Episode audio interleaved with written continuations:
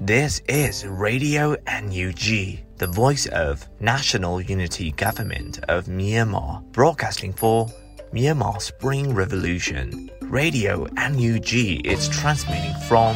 shortwave 16 meter 17.79 megahertz at 8:30 a.m. and 25 meter 11.94 megahertz at 8:30 p.m. Myanmar Standard Time. မင်္ဂလာပါခင်ဗျာ အမျိုးသားညီညွတ်ရေးအစိုးရရဲ့အတန်လွင့်ဌာန Radio NUG ကိုမနက်ပိုင်း၈နာရီခွဲမှာလိုင်းတို16မီတာစက္ကန့်တက်သမ9 MHz ညပိုင်း၈နာရီခွဲမှာလိုင်းတို25မီတာ17တက်သမ6 MHz တို့မှာဓာတ်ရိုက်ဖမ်းယူနိုင်နိုင်ပါပြီမင်္ဂလာအပေါင်းနဲ့ပြည့်စုံကြပါစေအခုချိန်ကစပြီး Radio NUG အစီအစဉ်တွေကိုဓာတ်ရိုက်အတန်လွှင့်ပေးနေပါပြီ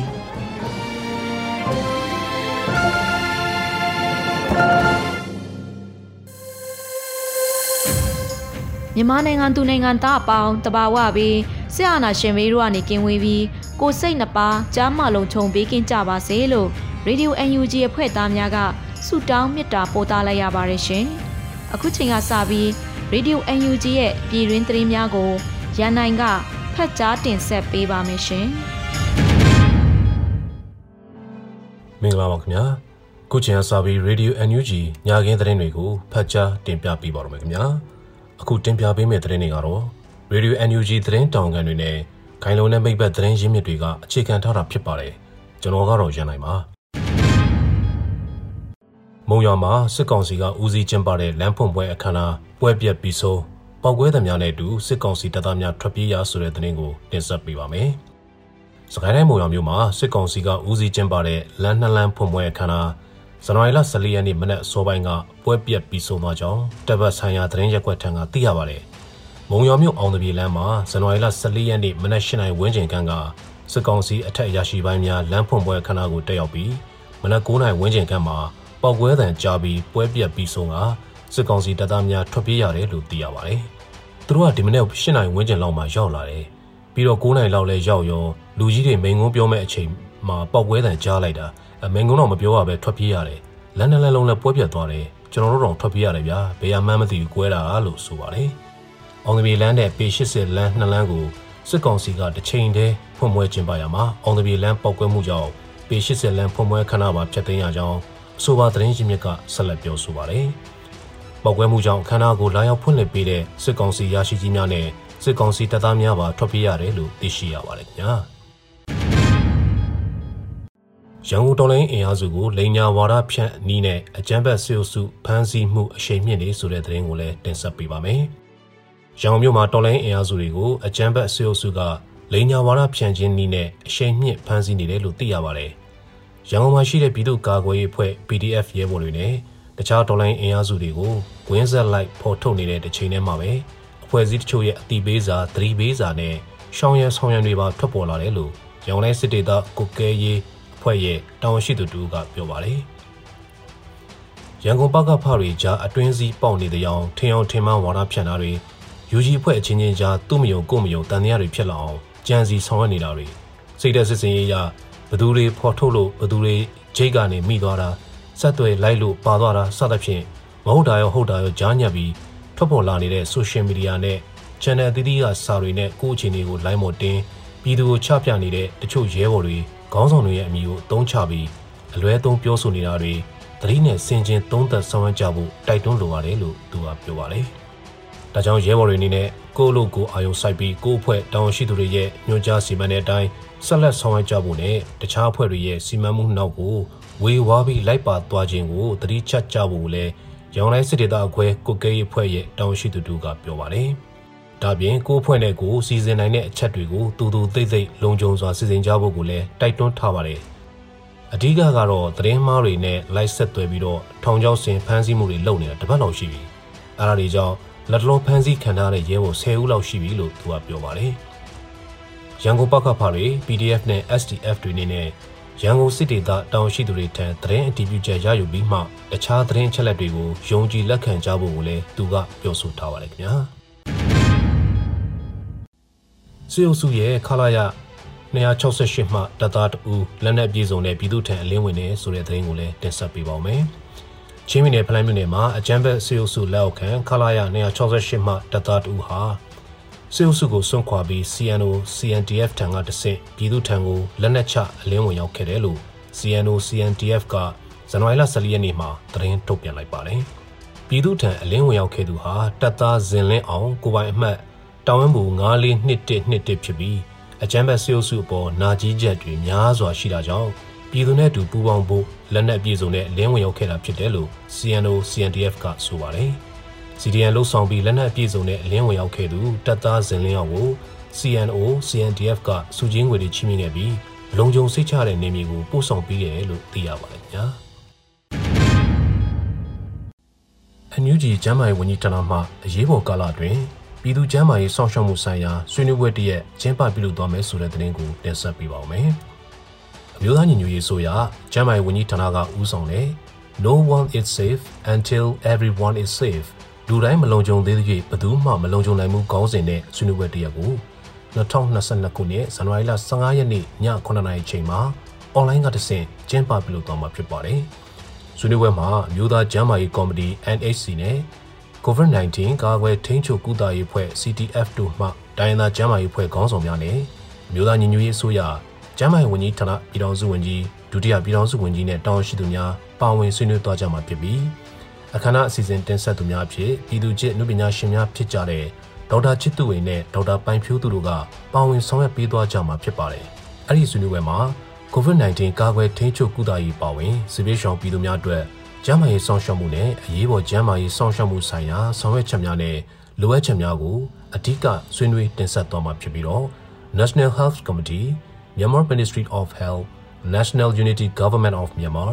DD Channel, Public Voice Television နဲ့ပြည်သူသတင်းမီဒီယာ page များကတဆင့်ဆွေးနွေးပွဲကိုတိုက်ရိုက်ထုတ်လွှင့်ပေးသွားမှာဖြစ်ပါတယ်။ဆွေးနွေးပွဲကိုပံ့ပိုးကူညီလှူဒါန်းလိုတဲ့မိဘပြည်သူများအနေနဲ့ https:/nhcmyanmar.org/donate/ နဲ့ https://mux.nugmyanmar.org/donate/ တို့မှာဝင်ရောက်လေ့လာလှူဒါန်းနိုင်မှာကြောင်းသိရှိရပါတယ်ခင်ဗျာ။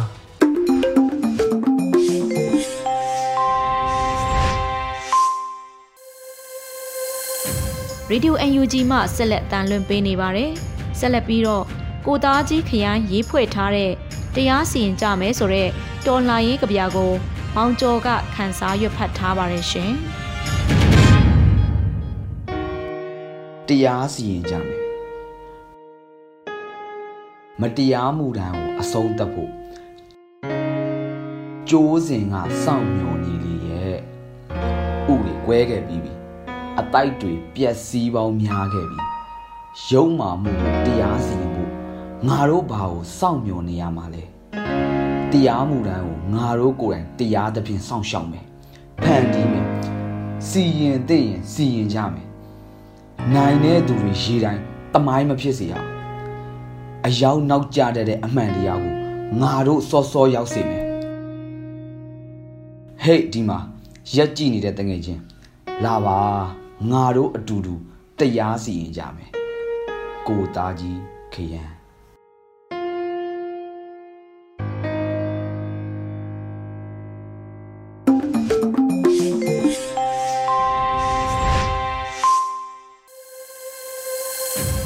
ဒီယို UNG မှဆက်လက်တန်လွှင့်ပေးနေပါတယ်။ယခုဆက်လက်နားဆင်ကြရမှာကတော့ ICG အဖွဲ့ရဲ့အစီရင်ခံစာနဲ့မြန်မာအနာဂတ်အမိအမိုးမခဆောင်းပါဖြစ်ပါတယ်။အဲဒီကဖတ်ကြားထားပါတယ်ရှင်။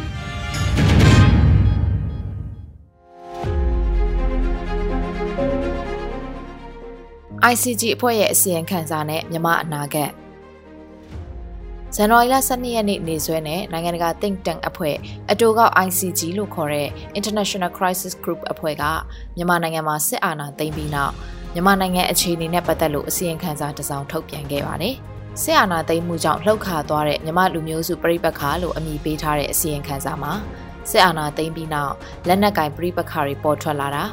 ငင်းချင်ရေးကြိုးပမ်းမှုတွေကပျက်စီးသွားပြီးရက်ဆိုင်သွားပြီလို့ဆိုထားပြီးတိုင်းသားလက်နက်ကိုင်အဖွဲ့တွေရဲ့ NUG အပေါ် CRPH အပေါ်သဘောထားတွေပူးပေါင်းဆောင်ရွက်မှုတွေကိုတန်တရားနဲ့စောင့်ကြည့်မှုတွေကိုအကဲဖြတ်တင်ပြထားပြီးနိုင်ငံတကာအစိုးရအဖွဲ့တွေကိုအကြံပြုချက်တွေအနေနဲ့မြန်မာနိုင်ငံလူထုကိုလူသားချင်းစာနာထောက်ထားမှုအကူအညီတွေပုံမထိရအောင်ပေးကြဖို့တိုက်တွန်းထားတာဖြစ်ပါတယ်။2011ခုနှစ်ကစတင်ခဲ့တဲ့ငြိမ်းချမ်းရေးကြိုးပမ်းမှုတွေဆယ်စုနှစ်တခုအကြာဆရာနာသိမ်းပြီးနောက်မှာ အားလုံးပျက်စီးသွားပြီလို့အစီရင်ခံစာကကောက်ချက်ချထားပါတယ်။တိုင်းသားလက်နက်ကိုင်အဖွဲ့တချို့ကအသစ်ထွက်ပေါ်လာတဲ့အစိုးရအဖွဲ့ NUG ကိုလက်ခံကူညီကြတာရှိပေမဲ့လည်းတချို့ကတော့တန်တရားနဲ့စောင့်ကြည့်နေကြတယ်လို့လည်းအစီရင်ခံစာမှာဆိုထားပါတယ်။အာနာသိန်းစစ်တပ်ကတိုင်းသားလက်နက်ကိုင်အဖွဲ့တွေကိုတက်နိုင်သမျှဘယ်ဘက်မှမပါဘဲအပြစ်ခတ်ရက်စဲထားဖို့ဆွဲဆောင်နေပြီးအစ်စ်ပေါ်လာတဲ့ PDF အဖွဲ့တွေကိုနှိမ်နင်းမှုစူးစမ်းနေတဲ့အကြောင်းလေးဖော်ပြထားပါတယ်။ PDF တွေကတဖြည်းဖြည်းနဲ့အင်အားများလာနေတယ်လို့လည်းအစီရင်ခံစာမှာဆိုထားပေမဲ့စစ်ကောင်စီနဲ့စစ်ကောင်စီစန့်ကျင်ရေးအင်အားစုတွေဟာတစ်ဖက်နဲ့တစ်ဖက်အပြတ်သက်ချေမုန်းနိုင်တဲ့အလားအလာမရှိတာကြောင့်မြန်မာနိုင်ငံရဲ့လက်နက်ကင်ပြိပခဟာရှေ့ကြပွဲရှိတယ်လို့လည်းဆိုထားပါတယ်။အစီရင်ခံစာရဲ့အကြံပြုချက်ကတော့နိုင်ငံတကာအလှူရှင်အဖွဲ့အစည်းတွေအစိုးရတွေအနေနဲ့ တိုင်းသားလက်နက်ကိုင်အဖွဲ့တွေကိုစစ်တပ်နဲ့အပြစ်ရဲ့သဘောတူညီမှုအသစ်တွေထိုးဖို့ဖိအားမပေးသင့်ကြောင်းနဲ့လူသားချင်းစာနာမှုအကူအညီပေးတာတွေကိုတိုးတက်လှုပ်ဆောင်ဖို့ပြည်တွင်းအဖွဲ့အစည်းတွေနဲ့လက်တွဲလုပ်ကိုင်မှုဆိုထားတာဖြစ်ပါတယ်။အစီရင်ခံစာပါအကဲဖြတ်ချက်တွေဟာမြန်မာနိုင်ငံတွင်းမှာနေထိုင်နေသူမြန်မာနိုင်ငံရဲ့အဖြစ်အပျက်တွေကိုမျက်ခြေမပြတ်သူဖို့အသစ်ဆန်းတော့မဟုတ်ပါဘူး။ တိုင်းသားလက်နက်ကိုင်အဖွဲ့တချို့ NUG ကိုတန်တရားရှိတာတွေလည်းသတင်းတွေအဖြစ်အပျက်တွေကိုစောင့်ကြည့်လေ့လာမယ်ဆိုထင်ရှားတဲ့အချက်ဖြစ်တယ်လို့စစ်ကောင်စီကတိုင်းသားလက်နက်ကိုင်အဖွဲ့တွေကိုကြားချထားဖို့စ조사မှုတွေကိုလည်းထင်ရှားတဲ့တာရကတွေဖြစ်ရတဲ့ကြည့်ရင်သိနိုင်တာဖြစ်ပါတယ်။ 2021ခုနှစ်အာနာမသိမ်းမီ2လကျော်3လခန့်အလိုကလေးကရခိုင်ပြည်နယ်မှာနှစ်နှစ်နီးပါးအပြင်းထန်ဖြစ်ပွားခဲ့တဲ့လက်နက်ကင်တိုက်ခိုက်မှုတွေရပ်ဆိုင်းထားပြီးရွေးကောက်ပွဲရလက်ထွက်ပေါ်လာပြီးတဲ့နောက်မှာတော့နှုတ်သဘောတူညီမှုနဲ့အပြစ်ရက်ခဲ့တာကလည်းထင်ရှားတဲ့တာရကတစ်ခုဖြစ်ပါတယ်။မြန်မာနိုင်ငံမှာလူသားချင်းစာနာမှုအကူအညီတွေအများအပြားလိုအပ်လာလိမ့်မယ်အခြေအနေမျိုးဟာအခုကာလမှာတင်တွေ့ကြုံနေရပြီဖြစ်ပါတယ်။ကယားပြည်နယ်မှာစကိုင်းတိုင်းမှာ ကရင်ပြည်နယ်မှာချင်းပြည်နယ်နဲ့မကွေးတိုင်းမြောက်ပိုင်းရှမ်းပြည်နယ်စတဲ့ဒေသတွေမှာဆယ်စုနှစ်များစွာအတွင်းမကြုံဘူးတဲ့တိုက်ပွဲတွေဖြစ်ပွားလာသလိုစစ်ဘေးရှောင်အရေးအတွက်တွေဇက်တိုက်မြင့်တက်လာနေရလဲဖြစ်ပါတယ်။စစ်ဖြစ်ပွားရာဒေသတွေမှာရိတ်ခါတဲယူရောင်းဝယ်တာကိုပါကန့်သက်မှုတွေလုပ်တာလုံခြုံရေးအန္တရာယ်ကြောင့်တဲယူရောင်းချမှုတွေနှဲပါလာတာတွေကစစ်ဘေးရှောင်နေသူတွေကိုပုံမဒုက္ခကြုံတွေ့နေရစေတာလည်းဖြစ်ပါတယ်။ လူထုတွေရဲ့စူဆောင်းထားရှိတဲ့စံစဘာရိတ်ခါတွေကိုတိုက်ပွဲဖြစ်လို့တင်းရှောင်ရတဲ့အခါမတည်ဆောင်နိုင်လို့နေအိမ်ဒီမှာထားခဲ့ရပါတယ်။ဒီလိုရိတ်ခါတွေကိုစစ်ကောင်စီတပ်တွေကဖျက်ဆီးပစ်တာမီးရှို့တာတွေလှုပ်ဆောင်တာတွေကြောင့်လည်းအရက်သားတွေရဲ့ရိတ်ခါတွေပျက်စီးဆုံးရှုံးနေရတာလည်းအကြောင်းတစ်ချက်ဖြစ်ပါတယ်။စိုက်ပျိုးရေးလုပ်ကင်ကြတဲ့လေသမားရာသမားတွေအနေနဲ့ စပားရိတ်သိမ်းချိန်မှာစပားတွေကိုမိမိတို့တစ်နှစ်စာစားတောက်ဖို့တိုးလောင်တာတွေငွေအသုံးလိုမှဈေးကောင်းရမှထုတ်ရောင်းမယ်ဆိုတာမျိုးဒီနှစ်မှာမလုံဆောင်နိုင်တော့ပဲရိတ်သိမ်းလို့ရသမျှစပားတွေကိုရရစီးနဲ့ထိုးရောင်းပြီးစစ်ဘေးရှောင်မှုအသင့်ပြင်ထားကြရတဲ့အခြေအနေဟာနောက်နှစ်မှာစောင်းရသည့်တီးနှံနေစိုက်ပျိုးနိုင်မှုအခြေအနေတွေကိုအတားအဆီးဖြစ်နေကြတယ်လို့ကြားသိနေရပါတယ်။ ICG ရဲ့အစီရင်ခံစာဟာမြန်မာနိုင်ငံအရေးကိုအတိုင်းအတာတစ်ခုထိထင်ဟပ်ဖော်ပြထားတဲ့အစီရင်ခံစာတစ်စောင်ဖြစ်ပြီးပြည်တွင်းမှာနေထိုင်နေသူတွေအဖို့ထူးခြားတဲ့အချက်လက်တွေမဟုတ်ပေမဲ့လို့နိုင်ငံတကာအစိုးရတွေအကူအညီပေးတဲ့အဖွဲ့အစည်းတွေအနေနဲ့အလေးထားဖတ်ရှုကြလိမ့်မယ်လို့ယူဆရတဲ့အစီရင်ခံစာတစ်စောင်ဖြစ်ပါတယ်။ဒီနေ့အဖို့တခြားသတင်းတွေထဲမှာတော့အာဆီယံခေါင်းဆောင်အစည်းအဝေးရွှေ့ဆိုင်းထားတဲ့အကြောင်း အာဆီယံအလှည့်ကျဥက္ကဋ္ဌဟွန်ဆန်ကိုကုလသမဂ္ဂရဲ့မြန်မာနိုင်ငံဆိုင်ရာအထူးကိုယ်စားလှယ်သစ်နိုလင်းဟေဇာကဆက်သွယ်ဆွေးနွေးပြီးမြန်မာနိုင်ငံအကြက်တဲကိုနိုင်ငံတကာနဲ့အတူပူးပေါင်းဖြေရှင်းမှုအာဆီယံကိုတိုက်တွန်းလိုက်တယ်ဆိုတဲ့သတင်းရိုက်ကော်မြို့မှာတိုက်ပွဲတွေဖြစ်ပွားနေဆဲဖြစ်ပြီးယမန်နေ့ကဖြစ်ခဲ့တဲ့တိုက်ပွဲမှာ KNDF ဘက်ကရိုက်ကော်အကျဉ်းထောင်ရှိတဲ့နေရာကိုတိုက်ခိုက်ခဲ့ရမှာအကျဉ်းထောင်ဝန်ထမ်းတချို့သေဆုံးကြောင်းစစ်ကောင်စီဘက်ကထုတ်ပြန်တဲ့သတင်းတွေပဲဖြစ်ပါတယ်ရှင်။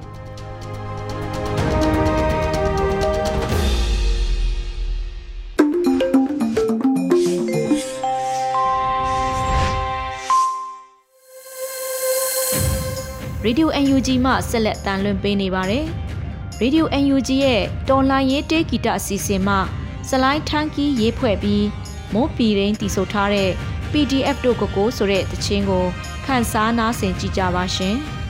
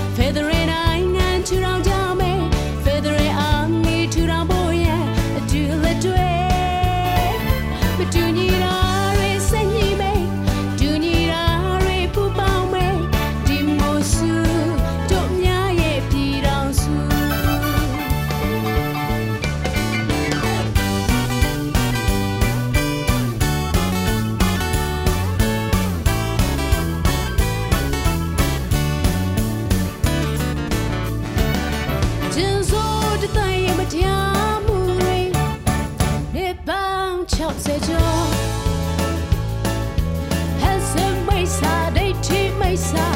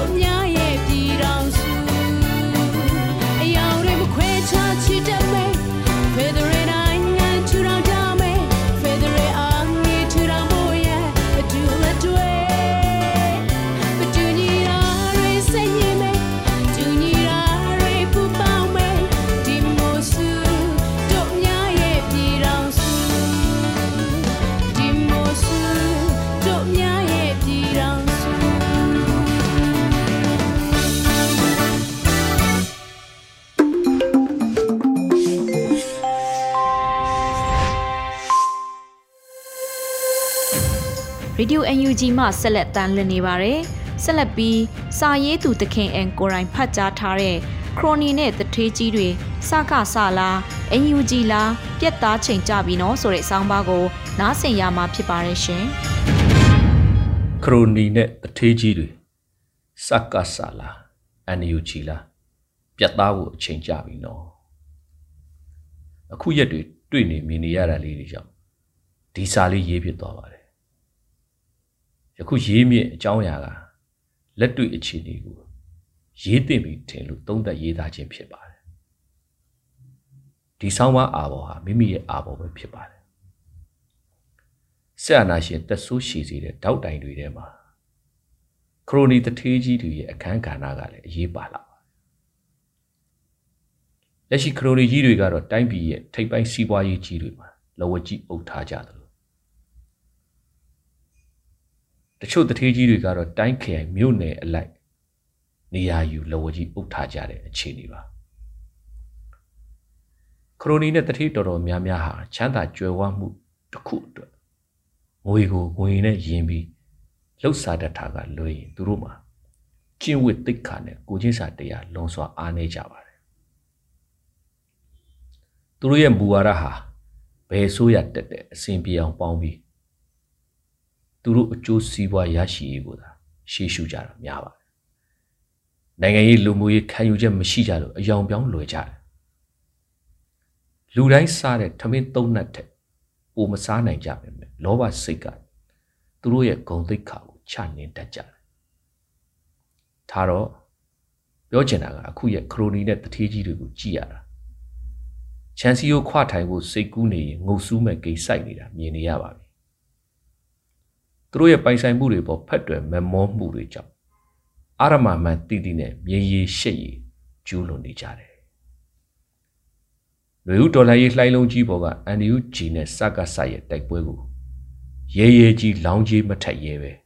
။နိုင်တဲ့ဘက်အလူငွေထဲ့ဖို့လောက်ချောင်းနေတဲ့ခရိုနီနဲ့တထေးကြီးတွေရဲ့တိတ်ခါဟာငတီစိတ်ဓာတ်နဲ့ဘာများกว่าလို့လဲ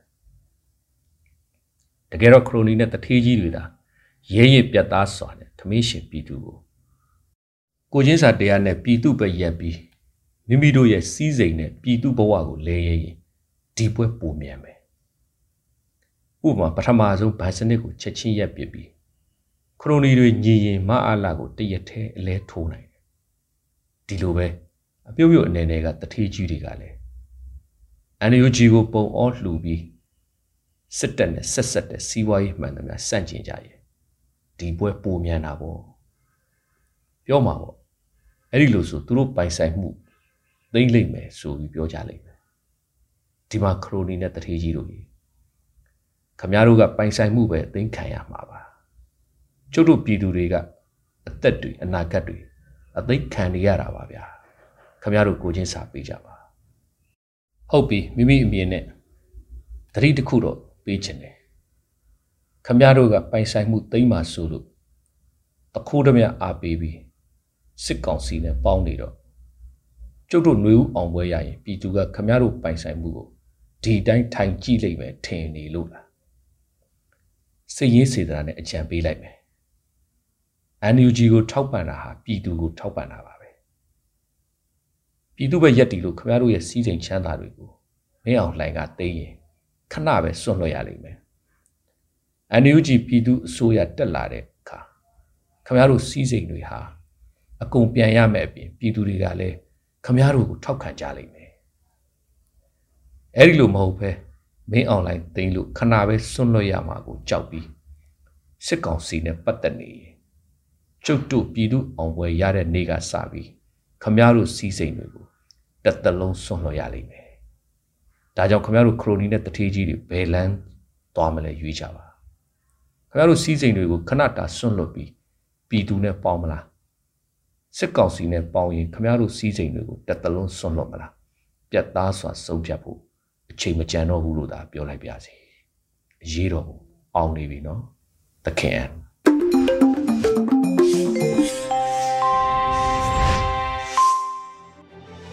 ပြည်သူများရှင်မြန်မာပြည်သူလူထုရဲ့ စစ်အာဏာရှင်ကိုတွန်းလှန်လူစိတ်ဟာသွေးအေးမသွားဘဲနဲ့ဒီကနေ့ထိတိုင်အောင်လံလွင့်ချီနှွေဦးထီနဲ့အတူရက်တီနေတာကိုအာရဝမ်းသာစွာတွေ့မြင်နေရပါတယ်။နှွေဦးထီကိုပထမချိန်မှာကန့်သက်ချက်တွေကြောင့်အားပေးခြင်းနိုင်အားပေးလို့မရတဲ့ပြည်သူတွေရဲ့စကားအတန်ကိုတုံ့ပြန်တဲ့အနေနဲ့အခုချိန်မှာတော့မနေ့10နာရီကနေည10နာရီထိအကန့်အသတ်မရှိဝယ်ယူအားပေးနိုင်ပါပြီနော်။ ထီထိုးတဲ့အခါမှာတော့ဝယ်ယူမဲ့အဆောင်ရည်နဲ့ငွေလွှဲအမောက်ကိုမှန်ကန်အောင်ယူဆိုင်ပေးဖို့လိုပါတယ်။ဒါပြင် transition ID passcode OTP စတဲ့ငွေလွှဲထားတဲ့အချက်လက်တွေကိုလည်းမှန်ကန်အောင်ဖြည့်သွင်းပေးကြပါနောက်ထပ်သိရမယ့်အသေးစိတ်အချက်လက်တွေကိုတော့ Blue Pack ပါတဲ့အောင်လံလွှင့်ချီမျိုးဦးတီ Facebook Page မှာအသေးစိတ်ဝင်ရောက်ကြည့်ရှုနိုင်ပါတယ်တော်လန်ရေးမှာပေါင်းကူညီအောင်လံလွှင့်ချီမျိုးဦးတီဆိုတဲ့စောင်းပုံးနဲ့အညီ တော်လန်ရေးအသည့်တော်လန်ရေးတတိနဲ့ရှေ့ဆက်ရင်းမျိုးဦးတီကိုအားပေးကြဖို့ကျမတို့ Radio NUG မှာထက်မှန်တိုက်တွန်းလိုက်ရပါတယ်ရှင်။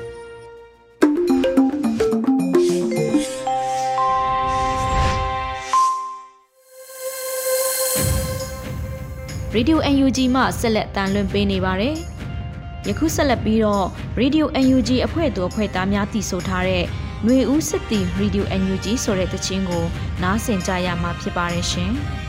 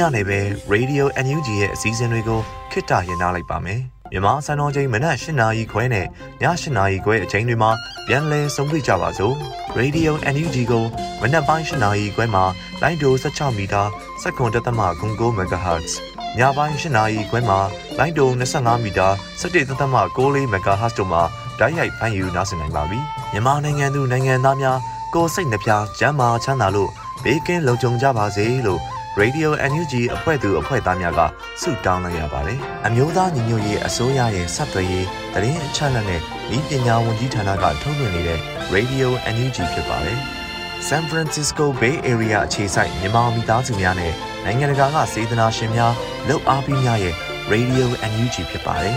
။အရေးတော်ပုံအောင်ရမည်